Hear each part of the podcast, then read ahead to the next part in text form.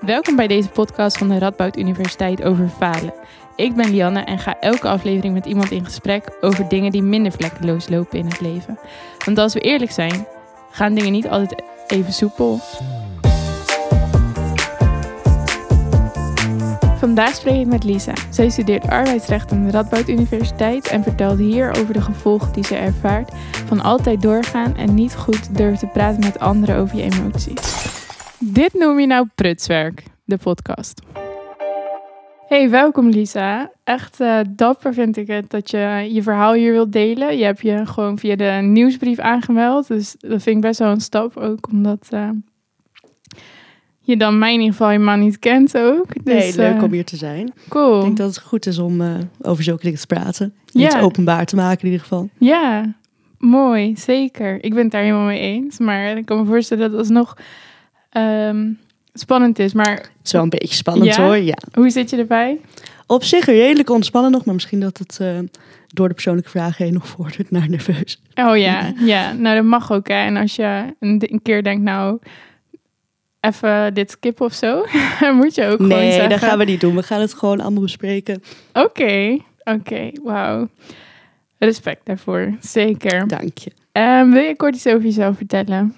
Ja, ik ben uh, Lisa, ik ben 22 en ik uh, zit nu mijn master arbeidsrecht aan de Radboud Universiteit. Vorig jaar mijn bachelor rechtsgeleerdheid afgerond.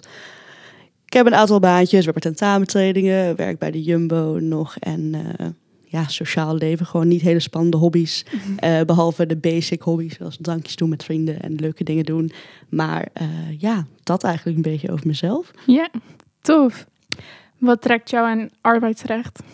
Uh, ik denk het menselijke ervan. Ik heb heel veel bijvoorbeeld ook ondernemingsrecht gehad en uh, bestuursrecht. En het is allemaal best wel recht toe recht aan. En arbeidsrecht is gewoon heel veel spelingsruimte in wat wel en niet kan, hoe je naar dingen kan kijken. En ja, het hele menselijke zit er gewoon in. Nou moet ik zeggen dat het niet uh, is waar ik mezelf voor altijd in zie. Mm. Maar vooralsnog is het, vind ik het wel het leukste rechtsgebied um, wat er is. Ja, oké. Okay. En heb je recent een grappig faalverhaal meegemaakt?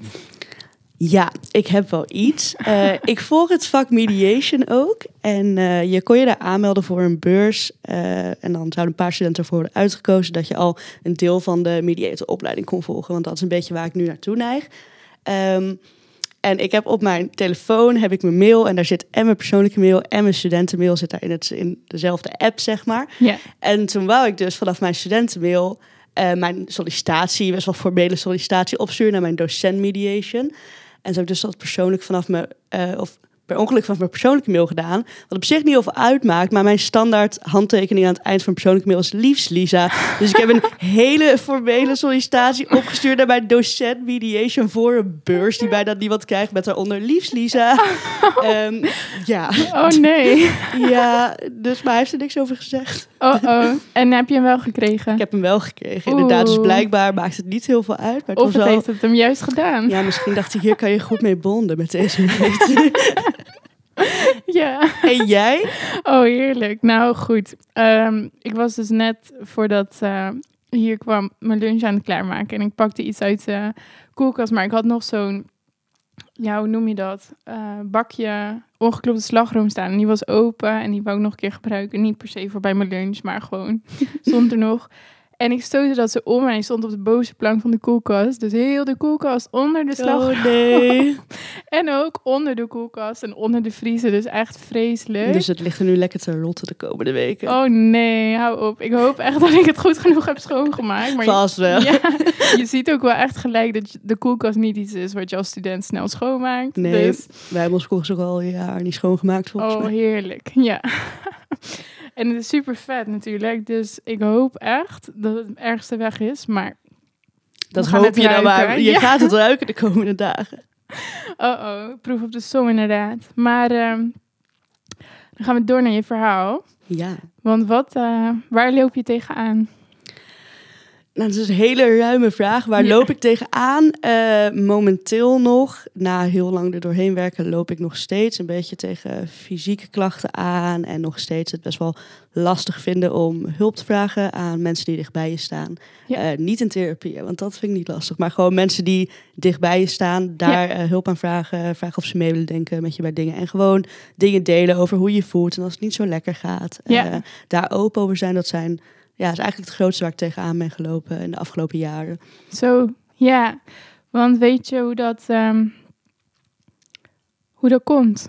Nou, toen het allemaal begon, eh, de fysieke klachten die ik ervan heb gehad, wist ik dat eigenlijk niet. Dus ik heb ook eigenlijk een heel ziekenhuistraject doorlopen om te kijken of het iets medisch was. Want ik Echt zelf had er eigenlijk helemaal niet aan gedacht dat het eh, ook mentaal kon zijn in plaats van dat het gewoon medisch niet goed was. Ja, Dus MRI van mijn hoofd gehad, maagonderzoek, eigenlijk alles wat je in je lichaam kan onderzoeken, hebben ze onderzocht. oh wow. Nou, toen hadden ze niks gevonden. Nou, iedereen om me heen was daar natuurlijk heel blij mee. Ik was eigenlijk best wel zagrijnig dat er niks Ja. was gevonden. Ik dacht, ja, hallo, er is toch iets aan de hand? Ik ga me Ja. niet vertellen dat ik hier voor altijd mee rond blijf lopen. Ja, Ehm, nou, en toen ben ik eigenlijk het traject- ingegaan om te, ja, om om te gaan met fysieke klachten. Gewoon met de ja, intentie van dit blijft eigenlijk voor altijd. Dus dan Zo. weet je hoe je daarmee kan dealen.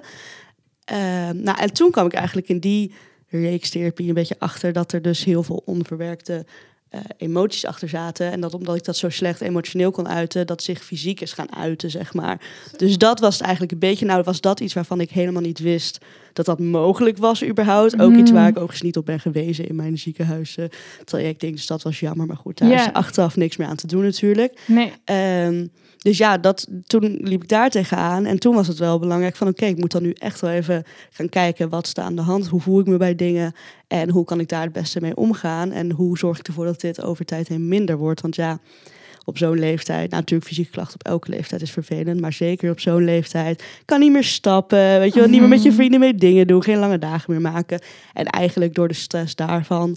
eh, gecombineerd met natuurlijk studeren en baantjes... ben ik uiteindelijk ook in een burn-out terechtgekomen Zo, omdat allemaal iets te veel bij elkaar, zeg maar. ja, Ehm, dus ja, hoe het, hoe het eigenlijk komt, was je vraag. Hele side, eh, sidetrack. ja. Ehm, ja, hoe het komt, weet ik nog niet precies, moet ik zeggen, dat ik dat lastig vind. Maar eh, na een beetje doorheen therapie en heel veel over hebben, is het waarschijnlijk omdat toen ik jong was, mijn vader heeft heel jong een auto-ongeluk gehad, eh, waardoor hij niet meer kon werken. Hmm. En toen moest mijn moeder heel veel gaan werken. Ja, dat ver- verandert natuurlijk heel erg de dynamiek van je gezin, zeg maar. Ja, En ik was heel erg jong, dus ik heb daar niet echt bij stilgestaan destijds. Niet heel actief in ieder geval. nee. Eh, maar ja, dat is natuurlijk wel... Dan is er ineens even heel veel gaande voor je ouders, zeg maar.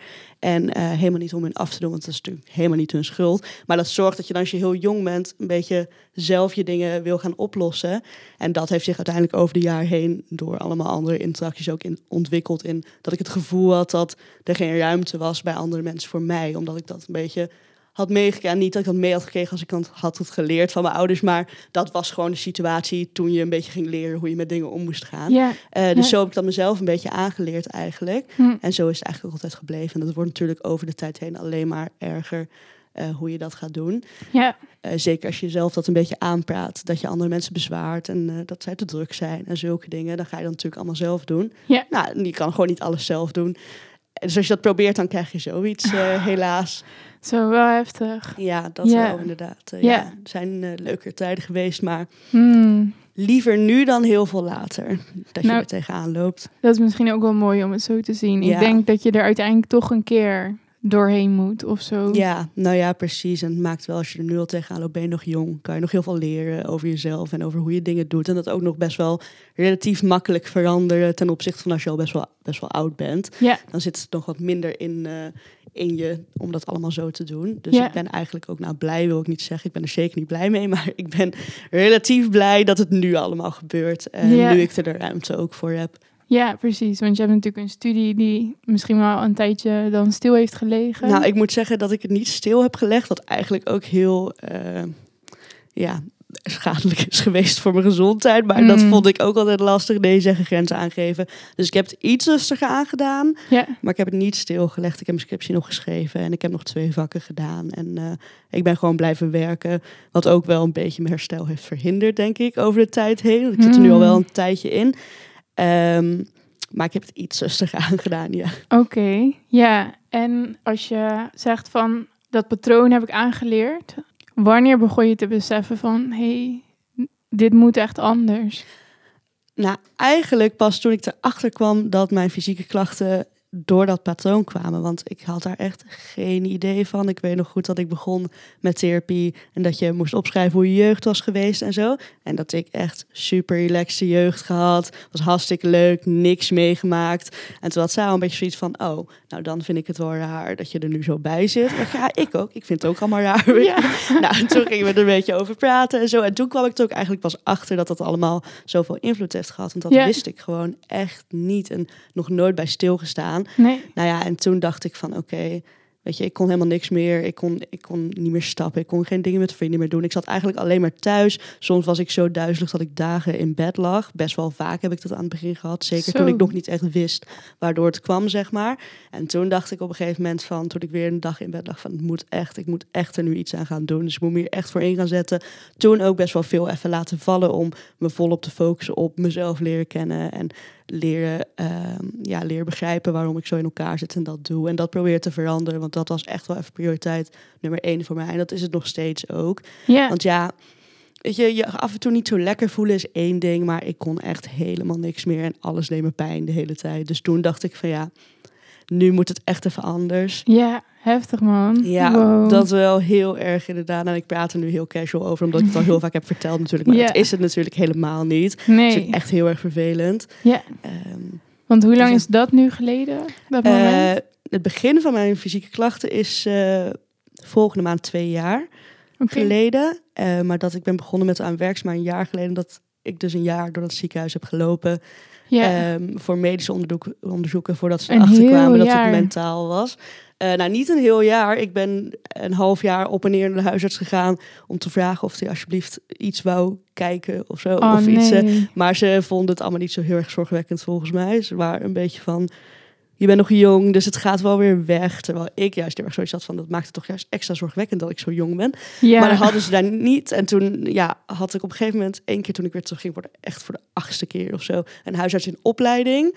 Een hele jonge gast nog, want mijn huisarts is gewoon oude man, weet je wel. Oh ja. En zo'n hele jonge gast die daar huis in de opleiding was. En toen vertelde ik van, nou, dit en dit. En ik ben hier al zo vaak geweest. En kan je alsjeblieft kijken? En toen was hij gelukkig gelijk van, dat is echt heel erg raar. Ik ga je nu doorsturen naar het ziekenhuis. Gelijk op alles laten kijken. Oh, dus toen is het wow. eigenlijk ook in een maand ben ik overhoop gecheckt. Dus toen was het eigenlijk best wel snel uitsluitsel. Ik heb er heel lang mee rondgelopen. En dat wordt natuurlijk alleen maar erger. Ja. Ehm. Dus ja, het zal weer alweer een tijdje gaan in ieder geval. Ja, nee, je, je zegt ook van.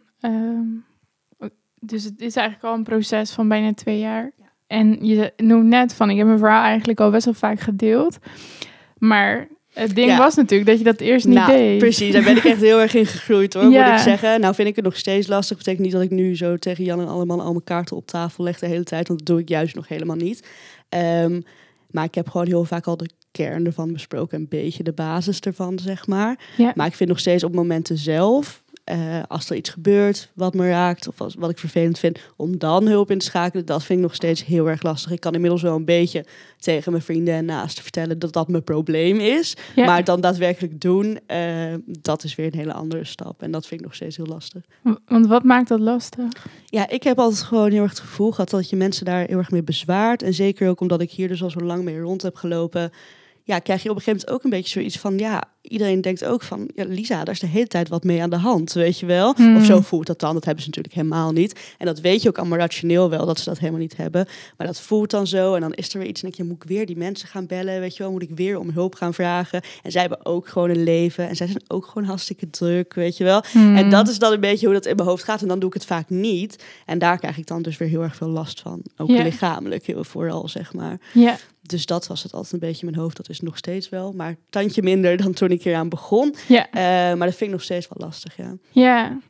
En merk je wel dat je omgeving er goed op reageert? Ja, heel erg. Wat het ook extra frustrerend maakt om dan het gevoel te hebben dat je niet bij mensen terecht kan. Want altijd als ik het wel een keertje doe en een keertje mezelf bij elkaar raad van ik, ik ga het gewoon even doen, even het patroon doorbreken, even mensen om hulp vragen, dan is iedereen altijd super sympathiek en super aardig, weet je wel.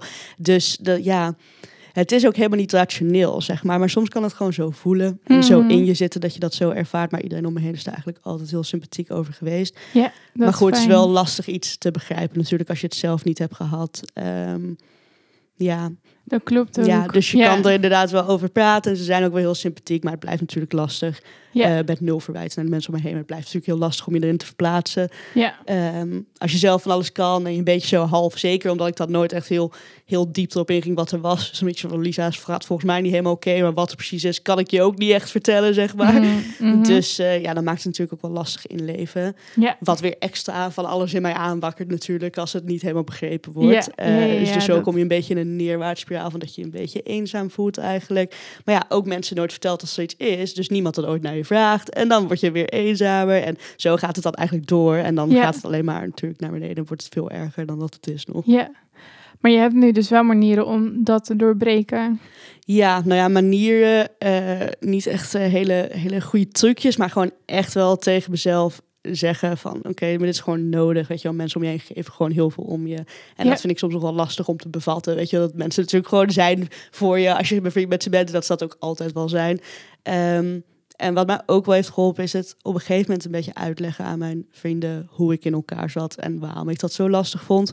Zodat zij het ook wat vaker vragen, zeg maar. Ja. Ehm, ja, en als zij wat vaker vragen, dan heb ik veel meer in mijn hoofd zoiets van, oh, ze zijn echt heel erg geïnteresseerd. En dan maakt het ook makkelijker om zelf die stap te zetten, om er iets over te zeggen als het wel een keertje niet goed gaat. Maar nu heb ik hele fijne mensen om me heen die ook regelmatig vragen hoe het is, ook als ik er zelf niet over begin. Eh, dus dat zijn eigenlijk een beetje de dingen die ik heb gedaan om het iets makkelijker te maken voor mezelf. Maar het blijft altijd nog een stap. En dat zit ook een beetje in je of niet. En dat kan je voor therapie wat je wil, dat doe ik ook wel. Maar dat zit ook gewoon een beetje in je. Dus dat ja, moet je ook gewoon je overheen zetten soms als het echt niet gaat. En natuurlijk hoef je niet bij elk klein dingetje iemand erin te schakelen om je te helpen. Maar als het echt even niet gaat, dan ja, moet je wel gewoon durven hulp te vragen aan iemand anders dan je therapeut, zeg maar. Ja, Eh, ja, en gewoon goede, goede banden ontwikkelen met mensen en heel duidelijk zijn en wat je grenzen zijn. En mensen die dat niet respecteren ook heel makkelijk eruit doen. Nou, dat zeg ik heel makkelijk alsof ik dat doe, maar dat doe ik helemaal niet. Dat vind ik heel lastig. Maar eh, ja, dat is wel echt een aanrader. Want zeker als je mensen om je heen hebt die niet echt het beste met je voor hebben, dan voedt dat natuurlijk alleen maar dat gevoel dat eh, je niet bij mensen terecht kan, zeg maar. ja. Dus het is gewoon een beetje een combinatie van mensen inlichten over hoe het gaat en goede mensen om je heen hebben en zelf gewoon een keer je principes opzij zetten en, eh, en daar overheen gaan en het toch maar even doen, hoe lastig je het dan ook vindt. Ja, wel helder. En ik denk ook dat dat heel realistisch is, zeg maar. Dat je inderdaad zegt van ja, trucjes die bestaan niet. Je hebt Nee. gewoon een soort gedachtenstrijd gaande. Nou ja, dat is het. Het is de hele tijd één tegen het ander in je hoofd. Ja. En, en vaak kies je voor de slechte weg voor jou, omdat je dat zo gewend bent. Maar het blijft altijd gewoon altijd zo. Oké, ja, maar het is vervelend. Mensen vinden dat vervelend. Oké, toch doen. Toch gewoon doen. En als ze het vervelend vinden, zeggen ze het wel. Dan moet je dan voor het gemak ook maar van uitgaan. Ja. Dat mensen het zelf wel aangeven als ze het niet eh, kunnen hebben. ja, Dus ja, dat is een beetje... Maar ja, moet je wel je hele, hele tijd jezelf blijven aanpraten natuurlijk. Dus word je ook heel moe van. Is ook heel uitputtend om dat Ja. de hele tijd in je hoofd eh, te hebben met kan dingen. me voorstellen. Maar goed, het is wel belangrijk om te doen. En, eh, want ja, anders krijg je dus helemaal je hele lichaam overhoop, zeg maar. Dus dat Ja. ja, moet je natuurlijk niet hebben. Ik vind dat nog steeds echt best wel bizar. Want het is dus door eigenlijk het idee dat je had opgedaan van oké, ruimte voor mijn emoties, hoe, Mhm. ik er, hoe ik mij voel, die is er niet echt. Dus ik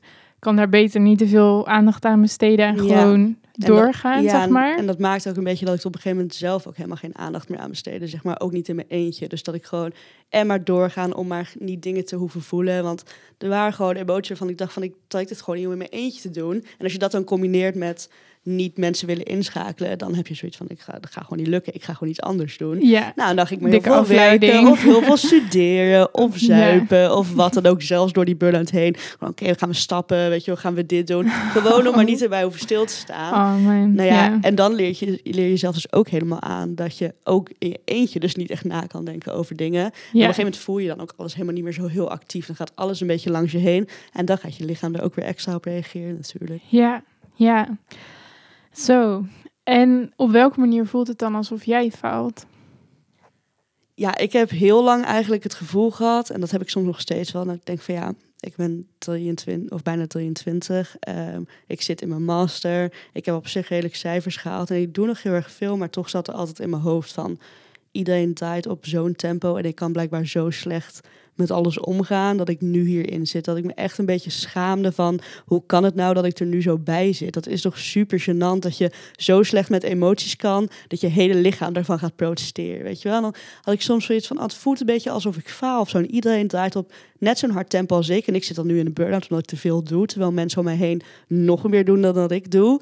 En zij hebben nergens last van, zeg maar. Dus dan had ik echt een beetje zoiets van, hoe kan dit nou? Hoe, hoe kan het nou dat ik zo slecht ben in dingen?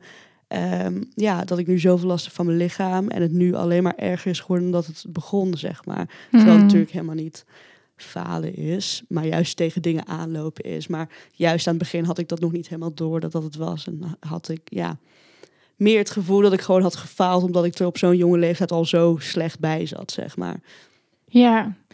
Ja, want dat kwam dus vooral inderdaad voort uit die eh, vergelijking eigenlijk met leeftijdsgenoten. Ja, en dat heb ik soms nog steeds wel. Als er ergens een feestje is, na Koningsdag, komt er ook weer aan. Ja, Ik denk van, oh, dan gaat iedereen de hele dag gaan ze zuipen. En ik twee uur of zo, ik ga twee uurtjes en dan ik niet drinken, want ik mag niet drinken. En dan ga ik weer naar huis, weet je wel. En dat zijn wel van die momenten dat je nog even in je hoofd zo heel onbewust die vergelijking maakt van iedereen doet van alles en ik kan helemaal niks, zeg Mm. maar. Eh, terwijl ik al heel veel kan weer vergeleken met toen ik begon. Maar soms dan voel je je even slecht en dan is er van alles om je heen gaan. En ik kan nog steeds eigenlijk helemaal niks. Ik heb helemaal geen stappen gezet. Terwijl je dat eigenlijk wel hebt gedaan natuurlijk. Er zijn er even van die dieptepuntjes. eh, Mm. Dat je het gewoon heel erg vergelijkt met mensen om je heen. En wat zij allemaal kunnen en doen. Ja, en dan wordt het gelijk ook heel zwart-wit, hè? Zo van, ja, ik kan nog steeds niks en Ja. zij kunnen alles. Nou ja, dat is het inderdaad. Het wordt gewoon inderdaad heel erg zwart-wit. En je gaat heel makkelijk naar dingen kijken van... oké, zij kunnen dit, ik kan dit niet. Dan ben ik per definitie minder dan, dan hen, zeg maar. Ja, Terwijl dat natuurlijk helemaal niet zo is. Maar zo kan het wel gewoon voelen als je ineens niet meer mee kan draaien met je leeftijdsgenoten. Want dat ben je natuurlijk helemaal niet gewend. Niemand bereidt je daarop voor dat er ooit een moment gaat komen dat je niet meer zo hard kan lopen als je vrienden en iedereen die dichtbij je staat, zeg maar. Nou, en zij gaan ook gewoon door natuurlijk. En zij gaan door met hun leven. En dat zijn van die momenten die een beetje, ja, ik heb een beetje gefaald. Weet je, iedereen gaat door met zijn leven en ik zit nu hier en ik blijf voorlopig ook echt nog wel even op dit punt, zeg Mm. maar. Want het gaat Mhm. natuurlijk allemaal heel langzaam. En dat is ook niet erg.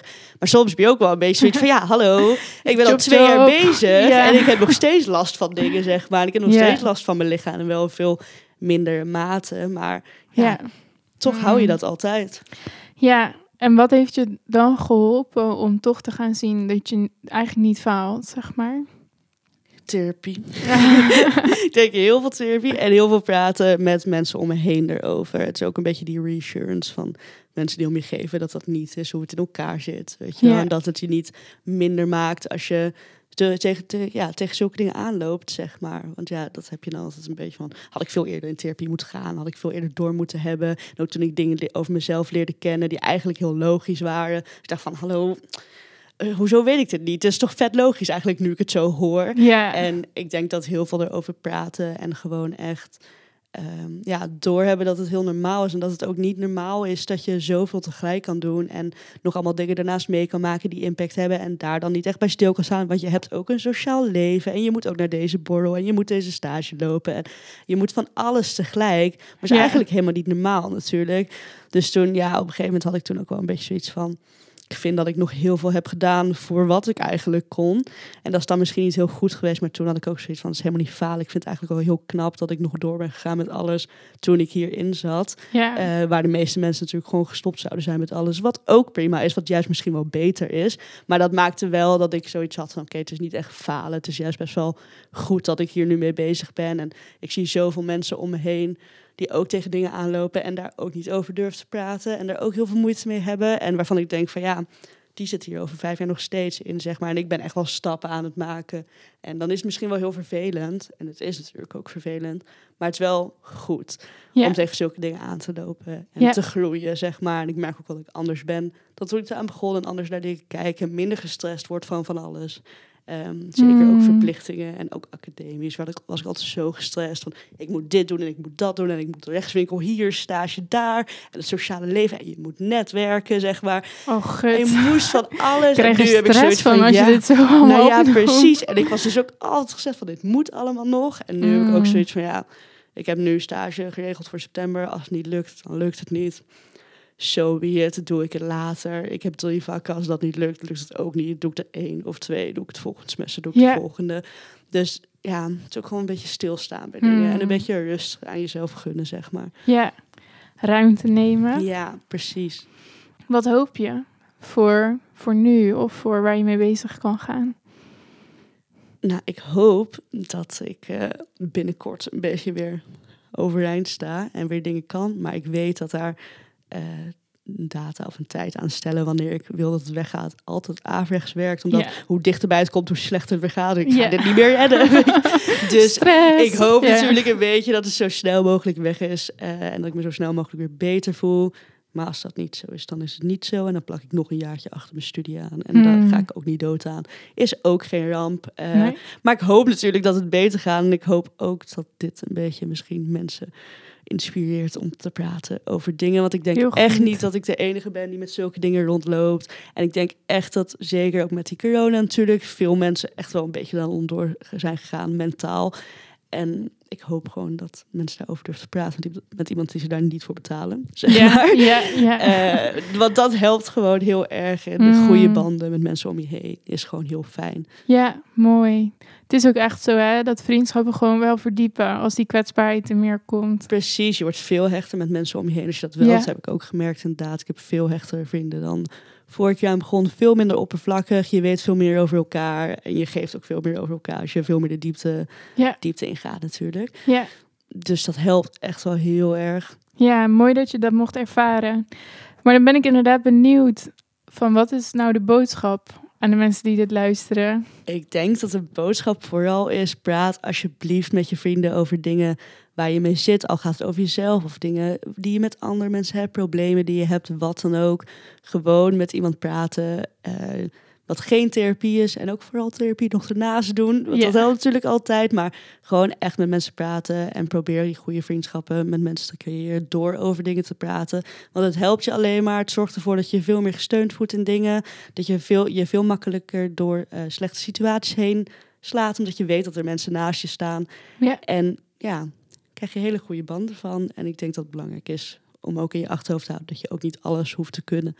eh, en niet alles tegelijk hoeft te doen. En niet al die balletjes hoog hoeft te kunnen houden. Ehm, en dat het niet falen is als, als dat niet lukt. Of als je daar een keer aan onderdoor gaat als je dat wel probeert te doen. Ik denk dat het heel erg belangrijk is Ja, dat mensen weten dat het ook niet erg is. Om Ja. niet alles te kunnen doen wat je eigenlijk zou moeten doen in je hoofd. ja. Mega waardevol. Ja. Sowieso. En ehm, dat is denk ik iets wat ik ook nog een beetje daarover wil zeggen. Want het is elke keer dus een ding wat je moet ervaren of zo. Dat als je op vrienden afstapt en je moet kwetsbaar zijn omdat het niet goed gaat, zeg maar. Dan moet je eigenlijk gewoon ervaren dat ze Ja. daar oké op reageren, zeg maar. En als je dat dus nog nooit gedaan hebt, dan is dat mega eng. Ja, maar hoe vaker je doet, hoe makkelijker het ook wordt. Ja, om over dingen te praten en lastige dingen te delen. En Ja. eh, soms moet je ook gewoon al je kaarten even op tafel leggen. Dat ze weten hoe je in elkaar zit. En dat ze weten welke dingen je vervelend vindt. eh, dat ze daar ook een beetje op in kunnen spelen. En dat maakt het ook veel makkelijker als je heel vaak met mensen praat over dingen. Dan kennen ze je gewoon veel beter. En dan zijn er ook veel minder vaak zulke situaties dat je zoiets hebt van, oh, dit is te veel. Ja, nee, precies. En je hebt eigenlijk niet zo heel veel te verliezen. Want als mensen er niet chill op reageren... Het is het feit dat het niet lekker met je gaat of zo, zeg maar. Dus daar moet iets aan veranderen. En daar heb je mensen bij nodig die jou daarbij kunnen helpen natuurlijk. En die er voor je kunnen zijn. En als mensen er niet sympathiek op reageren, dan heb je ze ook om mee te beginnen al niet nodig. Juist, dat is hard gezegd. Maar ik denk ook heel belangrijk Ja, voor mensen om voor te gaan staan, zeg Ja. maar. Inderdaad, Ja. gewoon grenzen aangeven ook. Ja, echt. Dankjewel voor je Geen verhaal. probleem. En eh, ik hoop ook zeker voor je dat je snel weer eh, back on top bent. Vast wel. Dus eh, succes ook met je studie en alles. Dankjewel, jij ook. Thanks. Tof dat je hebt geluisterd naar deze aflevering van Prutswerk. Ik daag je uit om je te laten inspireren en ook jouw faalverhaal te delen met de mensen om je heen. Volgende keer sluit het seizoen af met een hoogleraar die sociale relaties onderzoekt. Tot dan!